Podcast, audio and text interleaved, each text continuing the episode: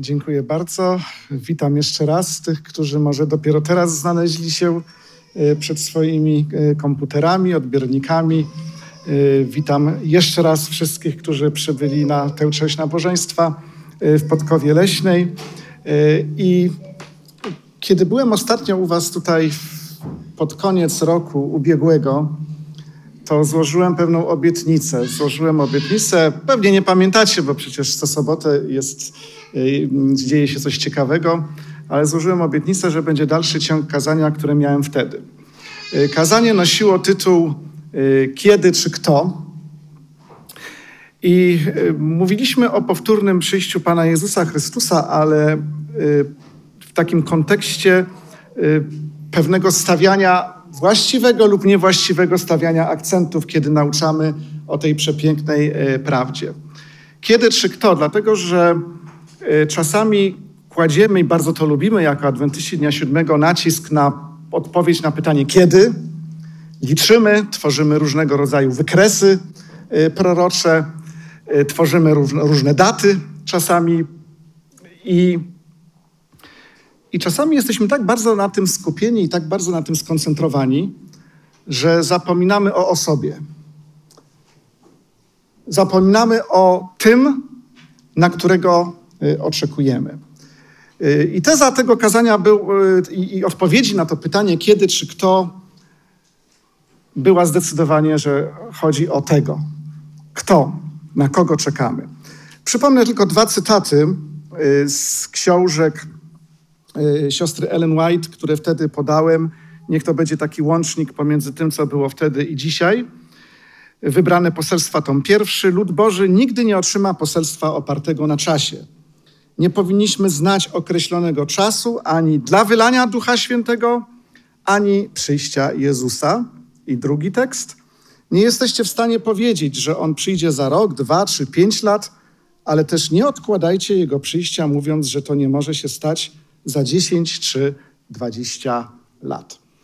E, wyjaśnialiśmy sobie oczywiście kontekst tych wypowiedzi i odsyłam tych, którzy nie pamiętają, do tego kazania. Ja wiem, że wtedy w Podkowie Leśnej to się nie nagrywało, akurat nie było transmisji, ale kiedy wpiszecie moje nazwisko w e, wyszukiwarkę i e, właśnie ten tekst, kiedy czy kto, to na pewno znajdziecie.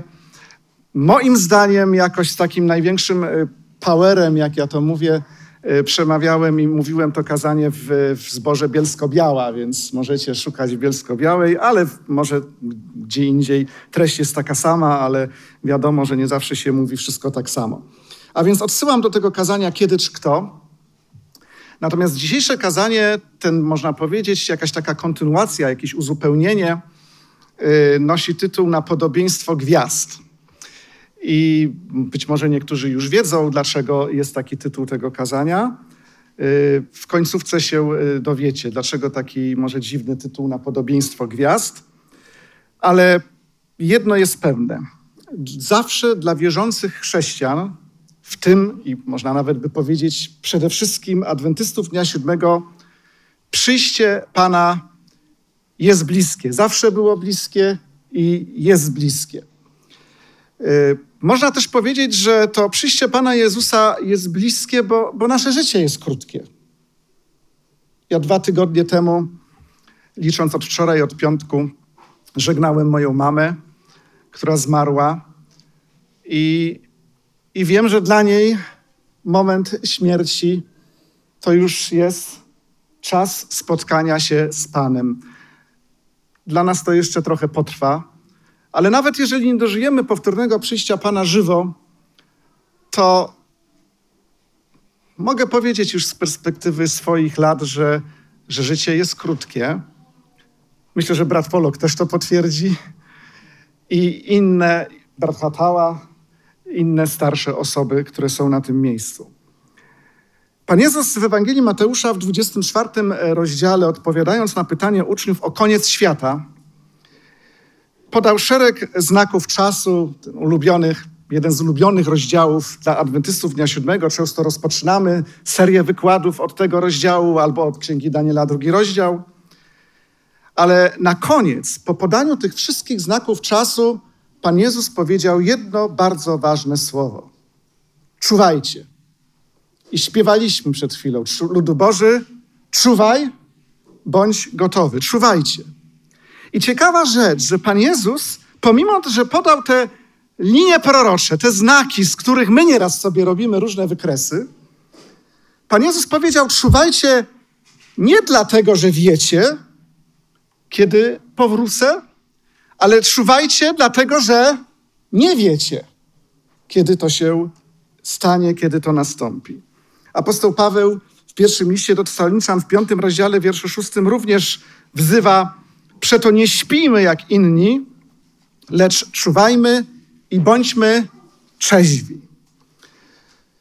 Pomimo tego wezwania, tych wezwań jest oczywiście wiele w Piśmie Świętym, jak również wypowiedzianego w Apokalipsie w 22 rozdziale, wierszu 7 zapewnienia oto przyjdę wkrótce, my wciąż jesteśmy tutaj. I to poprzednie kazanie, kiedy czy kto, tam było trochę też historii. Yy, zajmowaliśmy się tym, jak to jest. I jakie były oczekiwania, i jakie były różnego rodzaju yy, koncepcje, nawet w naszej krótkiej historii yy, istnienia Kościoła Adwentystów. I ponieważ próbujemy sobie to jakoś wytłumaczyć, że z jednej strony takie pewne proroctwa, takie to wszystko bliskie, już niedługo to nastąpi, a jednak to trwa i trwa z naszej perspektywy czasu, próbujemy jakoś pogodzić Boże obietnice o przyjściu Pana z realnością tego życia tutaj i teraz na tej ziemi, czasami ulegamy takiej ludzkiej pokusie tłumaczenia sobie tego wszystkiego na swój własny, czyli ludzki sposób. Bardziej niecierpliwi, lubiący drogę na skróty, myślący powierzchownie, ostatnio nie myślę o roku, ale, ale no co najmniej 10-20 latach, myślący spiskowo, łatwo ulegają takim spekulacjom, o których mówiłem w poprzednim kazaniu, które polegają przede wszystkim właśnie na wyznaczaniu dat, na wyciąganiu zbyt pochopnych wniosków, wniosków z tego, co się dzieje wokół, z bieżących wydarzeń. Y, innym y, tłumaczeniem przedłużającego się czasu y, powrotu Pana Jezusa jest bardzo popularny i wciąż rozpowszechniany w naszym środowisku pogląd, że to my, ja osobiście, każdy z Was, możemy przyspieszyć bądź opóźnić przyjście Pana. Bardzo jest to popularne. Yy, czytamy wiele różnych tekstów, najczęściej wyjętych z kontekstu. Czyli co to oznacza? Na, tak naprawdę wynika z tego, tak na prosty rozum, że przyjście Pana Jezusa jest zależne od nas, tak? Ode mnie. Od mojej postawy, naszej czujności, naszej gotowości, a nawet niektórzy uważają naszej perfekcyjnej bezgrzeszności. Pan Jezus zwleka, dlatego że no jeszcze nie jesteśmy w Jego oczach tacy, jacy powinniśmy być. To są wszystko równie ciekawe, jak i czasami niebezpieczne tematy, które wymagają wyjaśnięcia, wyjaśnienia takich pojęć jak doskonałość, jakie jest biblijne pojęcie doskonałości, grzech. Może okazuje się, że każdy z nas może mieć inną definicję grzechu, należałoby to biblijnie uzasadnić, zbawienie, natura Chrystusa i tak dalej, i tak dalej. Przekracza to oczywiście ramy jednego kazania. Dzisiaj chciałem e, powiedzieć e, o takiej podstawowej, moim zdaniem, i wierzę, że na podstawie, na podstawie mm, znajomości e, Pisma Świętego, podstawowej przyczynie takich, takich poglądów i takich postaw. Tą przyczyną jest niedostrzeganie występującego w Piśmie Świętym napięcia. Ono istnieje. Napięcia pomiędzy dwiema grupami tekstów. Pomiędzy tekstami i zapewnieniami o bliskim przyjściu Pana Jezusa, to lubimy najbardziej, ale również tekstami, które mówią, że to szybko w skali historii tego świata wcale nie musi nastąpić tak szybko. Czyli koncentrujemy się na jednych tekstach, pomijając inne, czyli lekceważymy jedną z podstawowych zasad wykładni Pisma Świętego, która mówi tota skryptura, czyli całe, całe Pismo. Nie taki urywek, nie inny urywek. Wszystko trzeba wziąć pod uwagę razem. Przykłady tego napięcia, tych tekstów jest sporo, więc y, przygotowałem sobie już na kartce wypisane niektóre z nich. Księga Sofoniasza, pierwszy rozdział, w wierszu 14 czytamy: Bliski jest wielki dzień Pana, bliski i bardzo szybko nadchodzi. Sofoniasz.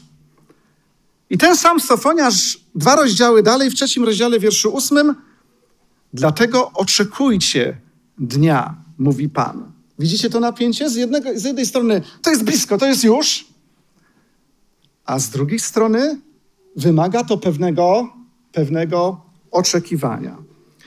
Yy, to jest bardzo ciekawe. Księga Izajasza, 13 rozdział, wiersz 6. Biadajcie, bo bliski jest dzień Pana, który nadchodzi jako zagłada od Wszechmogącego. Mówi to Izajasz. Wiemy, że ta księga została napisana około VIII wieku przed naszą erą. I kiedy w Izajaszu czytamy w ogóle w Starym Testamencie o przyjściu Pana, to mamy najczęściej mowę o trzech rzeczach. Jedno przyjście Pana to jest y, oczywiście ten czas, y, kiedy naród izraelski zostanie uprowadzony do y, niewoli babilońskiej, a więc w tym przypadku jeszcze jakieś 200 lat, około 200 lat należy na to wydarzenie poczekać. Inne proroctwa mówią o pierwszym przyjściu Chrystusa, a więc mamy jeszcze 800 lat. No i oczywiście proroctwa, które odnosimy do powtórnego przyjścia Jezusa. Tutaj oczywiście daty nie podajemy, ale wiemy, że od, od czasów Izajasza to jest około 2800 lat. I Izajasz pisze co? Że ten dzień Pana jest bliski. No ładnie bliski z naszej perspektywy czasu. Y, I oczywiście takich tekstów jest więcej. Daniel, kiedy otrzymuje słynne proroctwo za swoich czasów, słynne widzenie, to dowiaduje się o 490 latach do pierwszego przyjścia Jezusa Chrystusa. Czy Pan rzeczywiście opóźnia swoje przyjście? No bo można byłoby z tego taki wniosek wyciągnąć. Czy też może ta idea przyspieszania i opóźniania jest produktem naszych ludzkich błędów, myśli czy wyobrażeń. Chciałbym odczytać tekst, myślę, że bardzo ważny, z książki Życie Jezusa, rozdział trzeci, bo on w zasadzie ustawia y, też hermeneutykę w jakiś sposób, jeśli chodzi o ten temat, hermeneutykę również, czyli zrozumienie, wykładnie y, pism Y, Ellen White, która jest bardzo podobna do hermeneutyki Pisma Świętego. I tam w życiu Jezusa w rozdziale trzecim na samym początku czytamy tak. Przyjście Zbawiciela przepowiedziane było już w Edenie. Adam i Ewa oczekiwali jej szybkiego wypełnienia się. Radośnie powitali swego pierworodnego syna, żywiąc nadzieję, że to on właśnie będzie wybawicielem. Jednak wypełnienie obietnicy odwlekało się. Proszę bardzo, odwlekało się. Czujecie to? Czujecie te słowa, które Ellen White napisała? Napisała, że się odwlekało. Ale przecież nie w sensie jakiejś uniwersalnej prawdy, że Pan Jezus opóźnia swoje przyjście, ale było to pokazanie ludzkiej perspektywy. To się odwlekało z ludzkiej perspektywy, z punktu widzenia Adama i Ewy, bo oni sobie założyli, że tym obiecanym jest ich, ich pierworodny syn. To była ich ludzka perspektywa. Odwlekało się. Henoch przepowiedział przyjście Jezusa. W liście Judy czytamy te jego słowa: Oto przyszedł Pan z tysiącami swoich świętych. No i wiemy, że nie nastąpiło to w jego czasie. Noe wszedł do arki i spodziewał się, że wody potopu spadną natychmiast. Spędził w środku cały tydzień. Dla niego to był bardzo długi tydzień. Być może słyszał śmiechy, szyderstwa ludzi, którzy byli na zewnątrz i mówili: Proszę bardzo, jaki głupiec, co on narobił. Ale znowu czytamy y, w, w komentarzu Ellen White, że to był dla niego test wiary. Abraham i Sara czekali na potomka, no i delikatnie mówiąc, też to się mocno opóźniło. Doczekali się go w końcu, ale przecież nie doświadczyli za życia potomstwa licznego jak gwiazdy na, na niebie. Wiele psalmów zawiera błagania skierowane do Boga w formie trudnych pytań, na przykład dlaczego zapomniałeś o mnie w psalmie 42? W psalmie 74 czytamy w wierszu 10 i 11, jak długo, Boże, wróg będzie urągał? Czyż nieprzyjaciel wiecznie będzie bezcześcił Twe imię? Dlaczego cofasz rękę swoją, a prawicę swoją chowasz w zanadrzu? Skończ! A więc takie wręcz wezwanie do Boga, żądanie. Panie Boże, zrób wreszcie porządek z tym wszystkim. Ciekawy dialog z Bogiem zapisany jest w księdze Izajasza w 21 rozdziale, wierszu 11 i 12. Strażniku, Jaka to pora nocna? Strażniku, jaka to pora nocna? Strażnik odpowiedział: Nadszedł poranek, lecz także noc. Jeżeli musicie pytać, to przyjdźcie znowu i pytajcie. Perspektywa człowieka i perspektywa Pana Boga. Ta odpowiedź sugeruje, że to życie w świadomości opóźniania się Bożych obietnic nie może być interpretowane jako ich niedotrzymywanie z Jego strony. Pan Bóg dotrzymuje swoich obietnic. To są tylko pytania, to są po prostu pytania i odczucia wyrażane z naszej ludzkiej perspektywy. I Pan Bóg reaguje na to takimi słowami jak te z księgi Ezechiela, 12 rozdział. Tu pozwolę sobie ten tekst y, odszukać i odczytać. Jest to kilka tekstów właściwie. Księga Ezechiela, 12 y, rozdział, i tu można przeczytać od wiersza 21.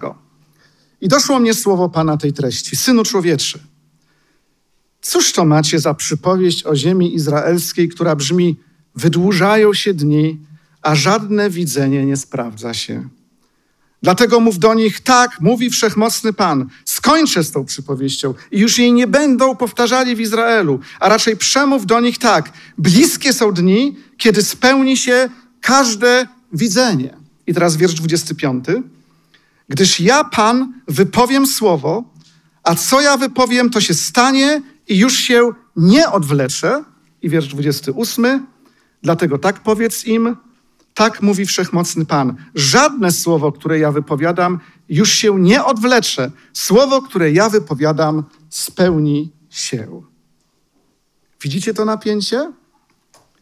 Ludzie są skłonni mówić, że się odwleka.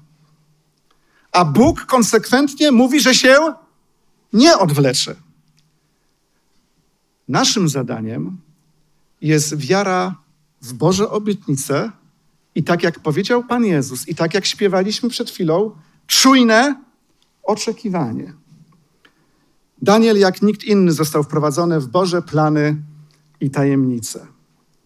I po otrzymaniu tych wszystkich wspaniałych, chociaż trudnych, bo on nawet sam podkreślał, że w pewnym momencie się wystraszył, bał się tego, tych trudnych wizji, objawień, kiedy kończy się księga Daniela, Bóg ma dla Daniela takie oto przesłanie w 12 rozdziale, wierszu 13.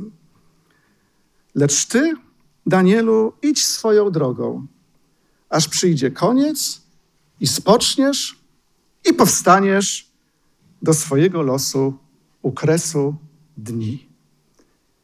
Nie wiem, czy w tym momencie Daniela zadowalała taka odpowiedź, ale Pan Bóg spokojnie go na to przygotował.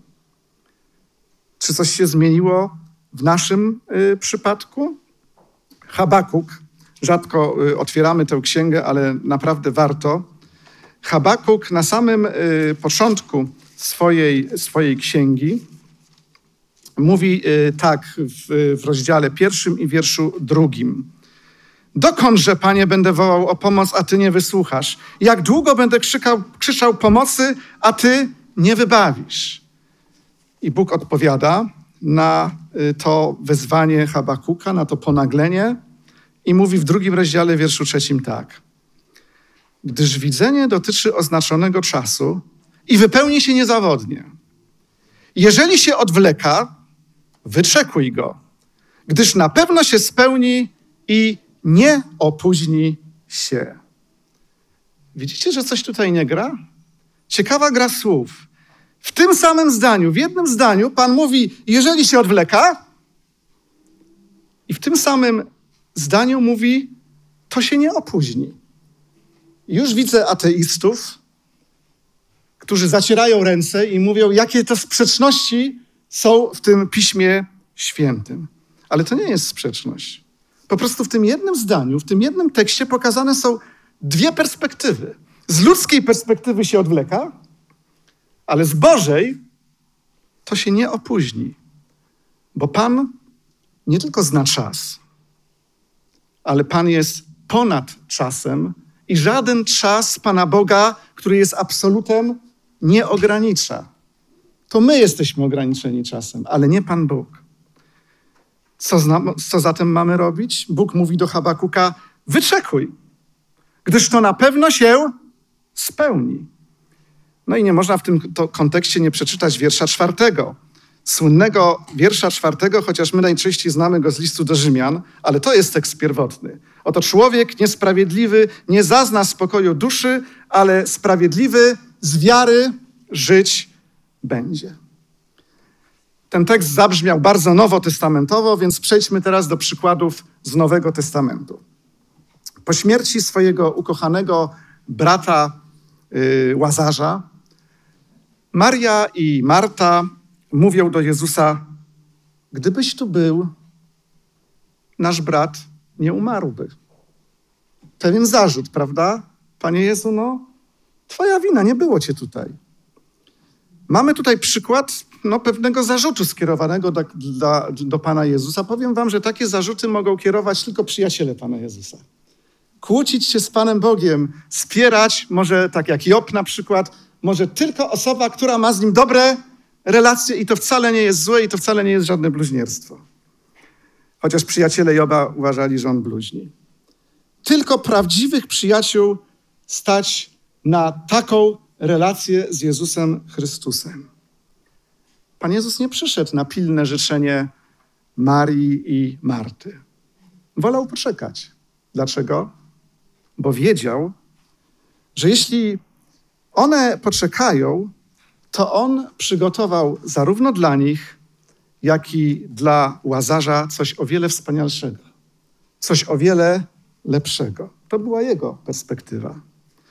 W Ewangelii Mateusza w 25 rozdziale mamy słynną przypowieść o dziesięciu pannach. No, myślę, że jako adwentyści bardzo ją sobie cenimy, bardzo dobrze ją znamy. One wyszły mu na spotkanie, wszystkie, ale czytamy, że wszystkie zasnęły, bo jaka była przyczyna? Oblubieniec nie nadchodził. Zasnęły. I ważne jest, że ta przypowieść jest umiejscowiona po tym słynnym 24 rozdziale Ewangelii Mateusza. Ja myślę, że to nie jest przypadek. Czyli mamy Ewangelię Mateusza, 24 rozdział, zapamiętajcie to sobie, czyli właśnie te wykresy, tak już w cudzysłowie mówię prorocze, te znaki czasu. I zaraz potem mamy przypowieść, może nie zaraz, ale w 25 rozdziale mamy przypowieść o dziesięciu pannach. Mówiłem już, że to są rzeczy te z 24 rozdziału i z Daniela i z Apokalipsy, które nas bardzo ekscytują i to dobrze. Ale skoro oblubieniec nie nadchodził, no to no, taka chyba normalna ludzka postawa panny się zdrzemnęły. Czyżby zapomniały o tych wszystkich, o tej całej wiedzy z Ewangelii Mateusza 24 rozdziału? rozdziału? Przecież Pan Jezus powiedział. Zapomniały o tym poselstwie?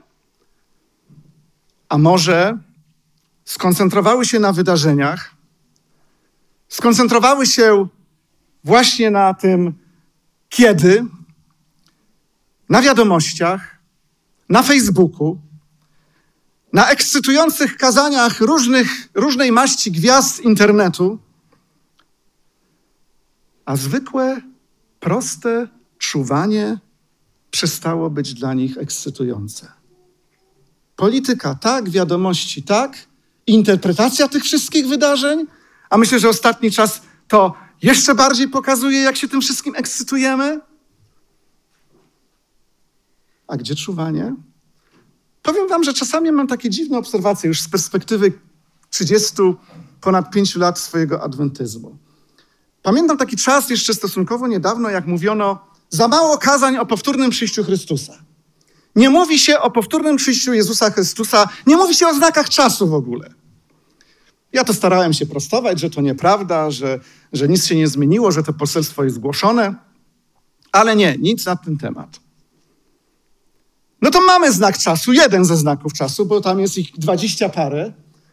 Mamy, zgodnie z przepowiednią Jezusa, miały być mory, są mory. To co ja słyszę? Nie ma. To, to jest bójda, nie ma tego w ogóle. Ja jestem przekonany, że wszystko się dokładnie spełnia. Teraz ci, którzy mówili, że nie ma o powtórnym przyjściu i o znakach czasu, jak jest znak czasu, nie ma tego znaku czasu. Popatrzcie, jacy jesteśmy dziwni i przewrotni. Popatrzcie na ten kontrast. W Ewangelii Mateusza w 24 rozdziale mamy, mamy znaki, z których niektórzy robią sobie wykresy i linie prorocze, jak już powiedziałem. A rozdział 25, i to jest to napięcie, sugeruje, że jest jakiś nieprzewidziany czas, w cudzysłowie, opóźniania się oblubieńca. Tak na marginesie, co jest kluczowe w tej historii o dziesięciu pannach? Pamiętacie? Co jest kluczowe? Co decyduje, że jedne panny weszły na wesele, a drugie nie? Oliwa. A co to jest oliwa? Duch Święty, bracie. O Duchu Świętym mówisz. Wszystkie kościoły charyzmatyczne mówią o Duchu Świętym. O krzyżu mówisz, o Golgocie. Wszyscy to mówią. O miłości mówisz. Wszyscy mówią o miłości. Co to za poselstwo?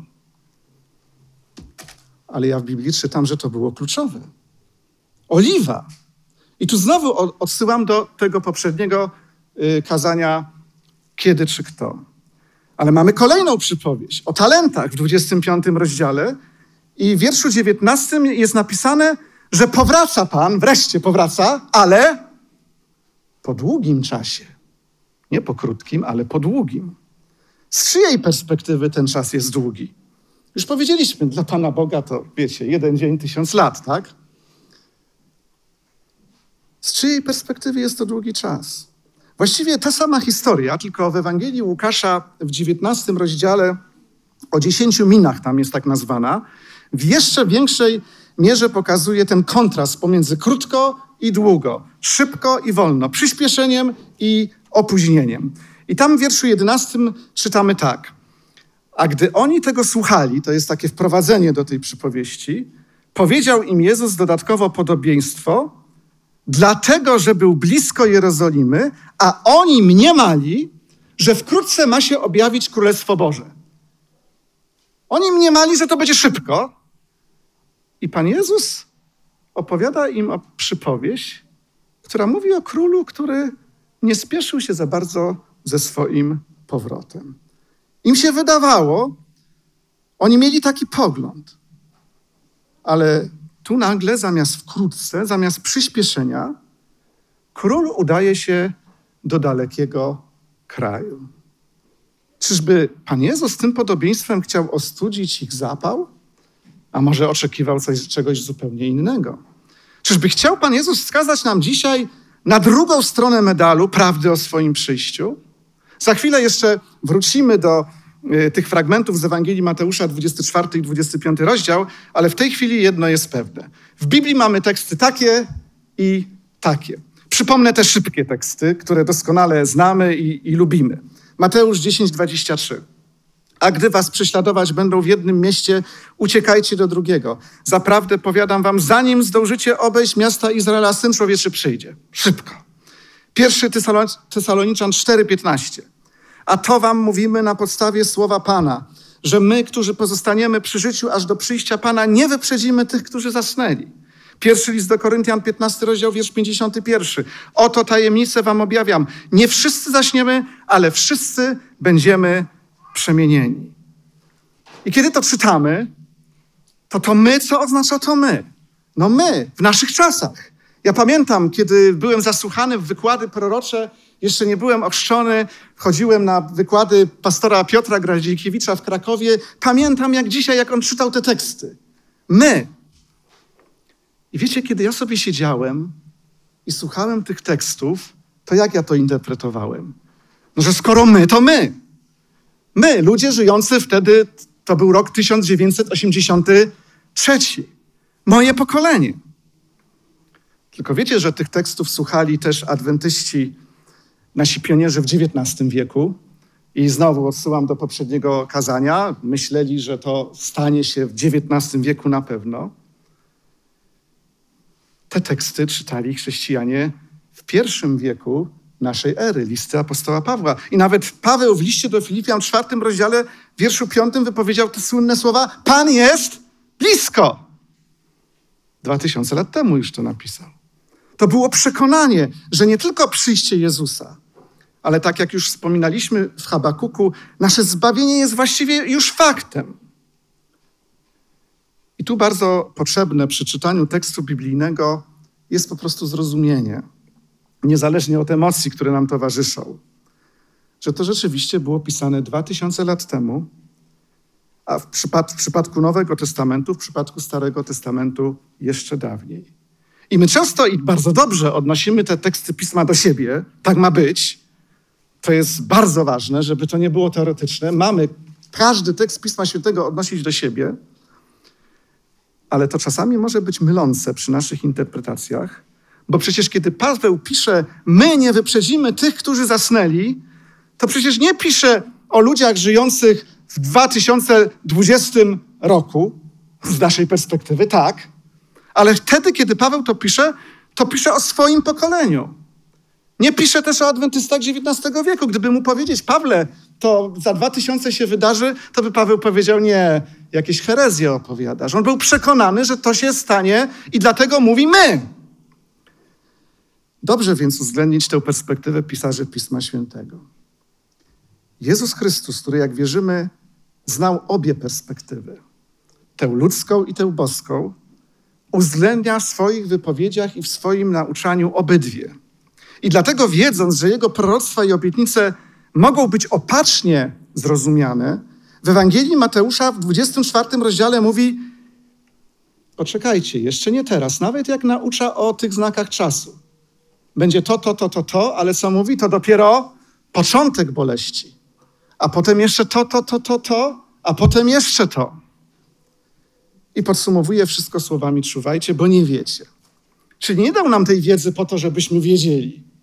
Dał nam to po to, żebyśmy czuwali, żebyśmy mieli z Nim łączność, żebyśmy byli z Nim blisko, żebyśmy byli w takiej świadomości, że nawet jeżeli w tym momencie zamknę oczy, to jestem gotowy na przebudzenie się i nieważne w grobie, ile czasu jeszcze do zmartwychwstania minie. Ten sam Paweł, który pisze, my zostaniemy przemienieni, tu mamy to napięcie, pisze jednocześnie, że musi nastać czas, gdy z pomiędzy was samych wyjdą wilki drapieżne. Tesaloniczanom, którzy po pierwszym liście zrozumieli, że dzień pański już praktycznie nadszedł, tłumaczy, że to jeszcze nie, że musi się objawić syn niegodziwości, że musi yy, yy, nieprawość zostać objawiona. I my wiemy, że jakiś czas to trwało. Drodzy, jest jeszcze jedno ciekawe miejsce, które występuje pomiędzy Ewangelią Mateusza, 24 rozdział i tam 42 wiersz, czuwajcie, czyli opisem wydarzeń e, czasu końca i konkluzją czuwajcie, bo nie wiecie, a Ewangelią Mateusza, 25 rozdziałem i yy, tą przypowieścią, której czytamy, że panny śpią, a właściciel min i talentów jakoś długo nie wraca. Jest ciekawa rzecz. Dokładnie pomiędzy tymi fragmentami znajduje się podobieństwo o wiernym i niewiernym słudze. Pamiętacie? Wierny sługa, czytamy, czyni dokładnie tak, jak powiedział Pan, czyli daje pokarm o właściwej porze, w wierszu 45. I pamiętamy o kontekście 42 wierszu, po prostu ten sługa czuwa. Ten sługa czyni tak, jak Pan powiedział, bo Pan powiedział: czuwajcie. bo nie wiecie, kiedy przyjdzie Pan. A co robi zły sługa? No oprócz tego, że bije swoje współsługi, to w wierszu 48 czytamy, że on mówi: Pan mój zwleka z przyjściem. To jest chyba jedyny tak wyraźny tekst w Biblii o idei zwlekania, o idei opóźniania się przyjścia Pana Jezusa Chrystusa. I wiecie, to jest trochę humorystyczne, ale ja często, kiedy dyskutuję z ludźmi na ten temat, to mi podają ten tekst i mówią: Bracie, masz w Biblii napisane, że Pan zwleka. Ale kto mówi, że Pan zwleka? Dobry sługa czy zły sługa? Zły mówi, że zwleka. A dobry sługa po prostu czyni wolę Bożą. Czuwa, działa, pracuje, daje właściwy pokarm, dzieli się nim. Zły sługa mówi, że Pan zwleka, a dobry sługa czuwa. Aż prosi się zacytować ostrzeżenie Pana Jezusa z Ewangelii Łukasza, 21 rozdział. Rzadko cytujemy te słowa. To jest paralelny fragment do Ewangelii Mateusza, 24 rozdział o znakach czasu. Tego nie ma w Ewangelii Mateusza w 24 rozdziale, ale jest w Ewangelii Łukasza w 21 rozdziale, wierszu 7 i 8. Zapytali go mówiąc, nauczycielu, kiedy więc to będzie i jaki będzie znak, gdy to nastąpi? On zaś rzekł, baczcie, by się nie dać zmylić. Wielu bowiem przyjdzie w imieniu moim, mówiąc, ja jestem i czas się przybliżył. Nie idźcie za nimi. Popatrzcie, to jest niesamowite.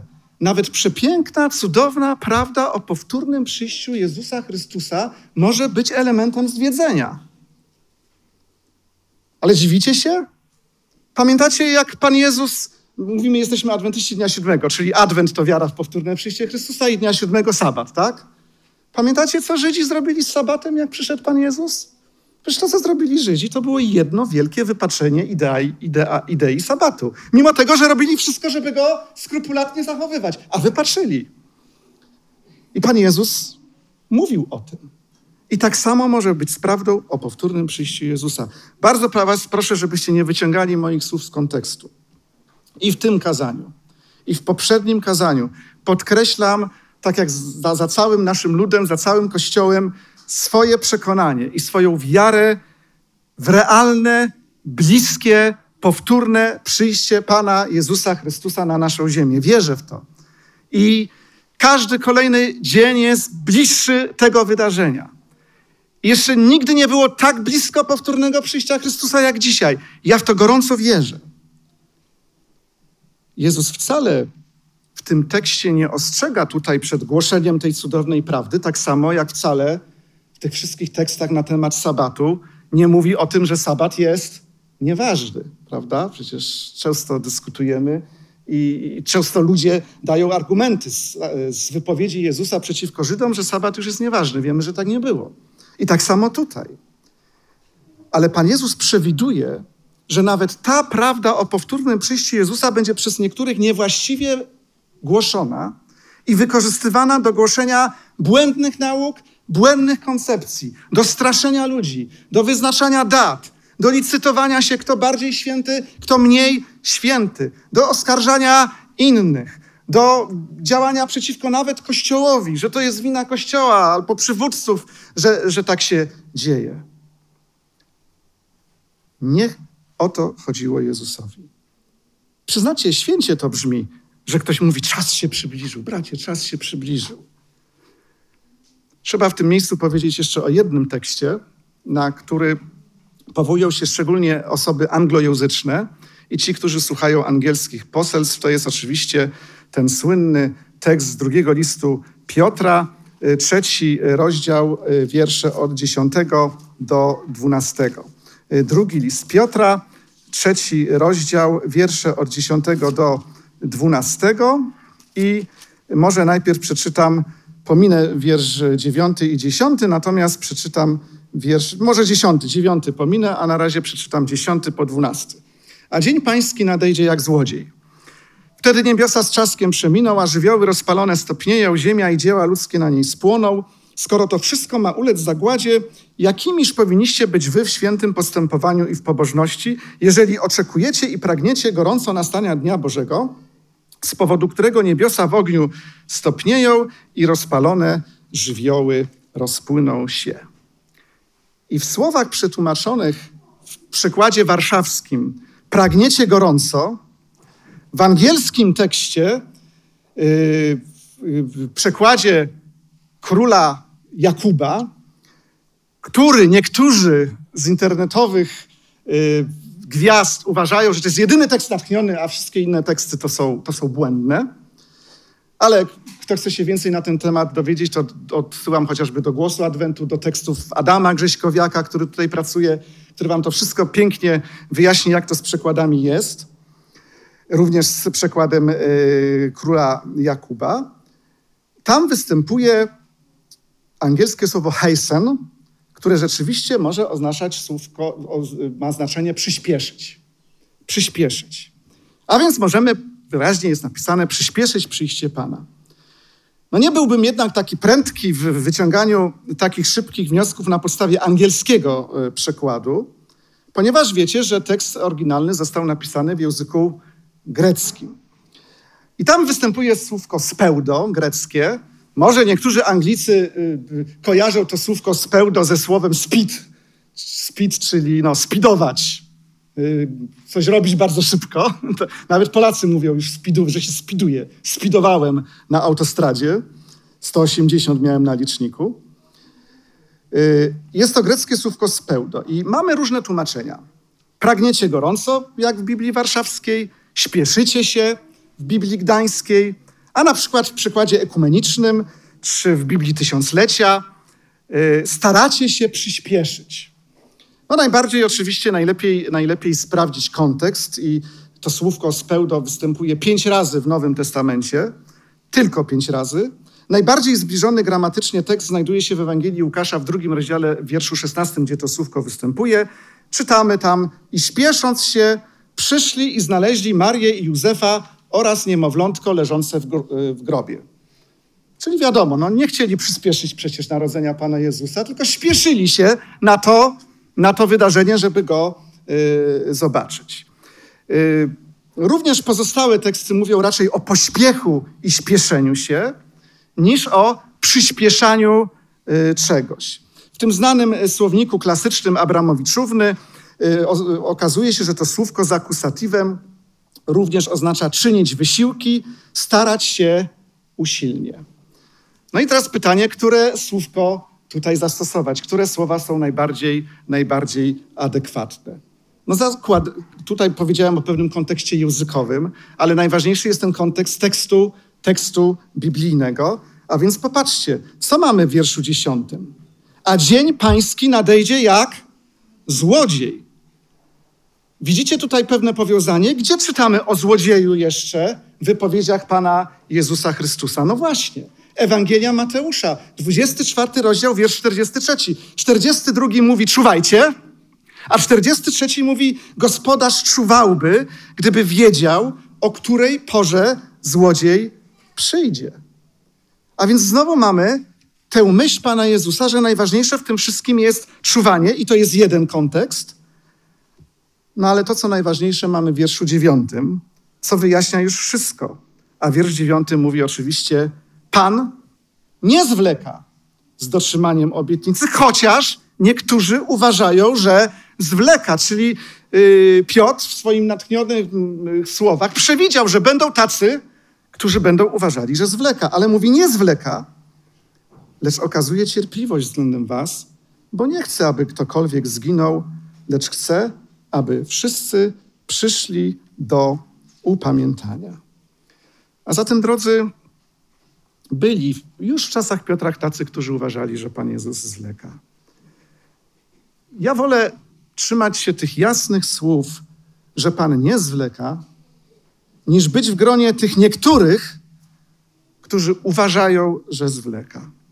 Czasami dobrze jest czytać Pismo Święte prosto, a dla mnie to oznacza, że jeśli Pan nie zwleka, to ja nie mogę ani niczego opóźnić, ani niczego przyspieszyć. Bóg robi co chce, kiedy chce i człowiek nie zmieni tego, co Bóg od zawsze wie i co sobie w planie zbawienia ustanowił. Pan Bóg jest tutaj suwerenny i niezależny od naszych spekulacji. Jest jeden wyjątek, że rzeczywiście coś mogę opóźnić. Ale nie przyjście Chrystusa w sensie realnego, fizycznego przyjścia, które, o którym ojciec wie. Chodzi o moją decyzję. Moją własną, osobistą decyzję. Mnie, Marka Rakowskiego. To jest decyzja, czy czuwać, czy nie. Czy być z nim, czy nie. Czy wypełniać jego misję zgodnie z jego wolą, czy też nie. I z tej perspektywy ja dla samego siebie mogę opóźnić przyjście Pana. I nawet Wam powiem o ile. O tysiąc lat. Wiecie, mi się aż głos jeży na głowie, kiedy myślę o tym, że mógłbym obudzić się o tysiąc lat za późno. Wiecie, o czym mówię. Wiecie, że tylko zbawienie jest dla tych, którzy obudzą się w pierwszym zmartwychwstaniu. I w taki sposób, jeśli nie będę pilnował swoich szat, jeśli nie będę chodził codziennie z Chrystusem, jeżeli każdego dnia nie będę przyjmował Jego zbawienia za darmo, które jest z łaski, jeżeli nie będę przyodziewał się w Jego szatę Jego sprawiedliwości, nie będę, źle powiedziałem, przyodziewał się, tego nawet nie potrafię, nie będę przyjmował z Jego rąk tego daru, to mogę się nie obudzić, ale obudzę się tylko o tysiąc lat za późno. Nie chciałbym się wtedy obudzić, drodzy. Dlatego ostrzeżenie z księgi Izajasza z piątego rozdziału, wiersza 18-19 jest aktualne. Ja nie chcę mówić tutaj, że, że to dotyczy powtórnego przyjścia Chrystusa. Chodzi o pewną, pewną, pewną zasadę, i pewien zarzut, który Pan Bóg skierował do ówczesnego ludu. Piąty rozdział, wiersz 18-19. Biada tym, którzy ściągają winę sznurami nieprawości, a grzech jakby powrozami wozów, którzy mówią, niech przynagli, niech przyspieszy swoje dzieło, abyśmy widzieli, niech się spełni zamysł świętego izraelskiego, abyśmy go poznali. Biada takim ludziom którzy z hipokryzją często, którzy, no nie wiem, chcąc pokazać swoją jakąś większą świętość od innych, pokazują ją właśnie w taki sposób. No i odpowiedź na pytanie, dlaczego taki tytuł kazania? Dlaczego na podobieństwo gwiazd? No bo właśnie w książce Życie Jezusa, w rozdziale trzecim, tam dokładnie, gdzie był ten tekst o Adamie i Ewie, którym wydawało się, że Pan odwlókł przyjście Mesjasza, w tym samym fragmencie Ellen White pisze, i myślę, że to są te teksty, które pomagają nam zrozumieć te wszystkie jej wypowiedzi na ten temat. Na podobieństwo gwiazd, krążących po rozległych obwodach wyznaczonych im dróg. Boże cele nie znają przyspieszenia ani opóźnienia. Drodzy, jak niebezpieczna jest ta idea przyspieszania czy opóźniania przyjścia Jezusa, uzależniająca Boga od moich decyzji, od moich uczynków, czyli tak naprawdę prowadząca do babilońskiej koncepcji perfekcjonizmu, być może znowu powiem w kolejnych kazaniach. Dzisiaj Bóg wzywa, abyśmy trzymali się Ewangelii, żebyśmy się utrzymali tych prostych słów, że Pan Bóg przyjdzie. I chociaż nie wiemy dokładnie kiedy, to wiemy, że to jest blisko. I nawet gdybym nie doczekał Jego powtórnego przyjścia teraz, to doczekam Go przy zmartwychwstaniu. A ileż tych lat nam pozostało? Ile? To jest naprawdę bardzo blisko. A może Pan Bóg nas zaskoczy i to będzie rzeczywiście za naszego życia? Nie wiem. Dlatego zakończę tak, jak zakończyłem poprzednie, poprzednie kazanie. W obliczu przyjścia Pana, w obliczu tej cudownej prawdy o Jego powrocie, w radości i zaufaniu oczekujmy na Jego powrót. Żyjmy w blasku Jego chwały, nie swojej własnej chwały, nie chwały mm, swoich przyjaciół, swoich znajomych, ludzi wierzących. Żyjmy w blasku Jego chwały, Jego doskonałej świętości. Żyjmy w bojaźni Bożej, bo do tego nas Pan Bóg zachęca. Kontynuujmy nauczanie i uzdrawiającą służbę Jezusa poprzez głoszenie Ewangelii zarówno słowem, jak i swoim przykładem, swoim życiem. Spokojni i napełnieni pokojem Bożym oczekujmy każdego nadchodzącego dnia. mając w tyle głowy to przekonanie, że ten każdy nadchodzący dzień może być tak naprawdę moim ostatnim dniem. Pilnujmy szat swoich. Z drżeniem sprawujmy swoje zbawienie. Wierzmy w tego, który sprawia ich cenie i wykonanie. Doświadczajmy tych słów: Żyje już nie ja, ale żyje we mnie Jezus Chrystus. Czuwajmy. Ludu Boży, czuwaj, bądź gotowy. To jest przesłanie Jezusa Chrystusa. A znaki czasu obserwujmy, proroctwa badajmy, ale po to, żeby one nas tylko utwierdzały w tym, że rzeczywiście Pan nadchodzi, że to wszystko się precyzyjnie wypełnia. Możemy Mu ufać, bo złożył obietnice i te obietnice są pewne. Amen.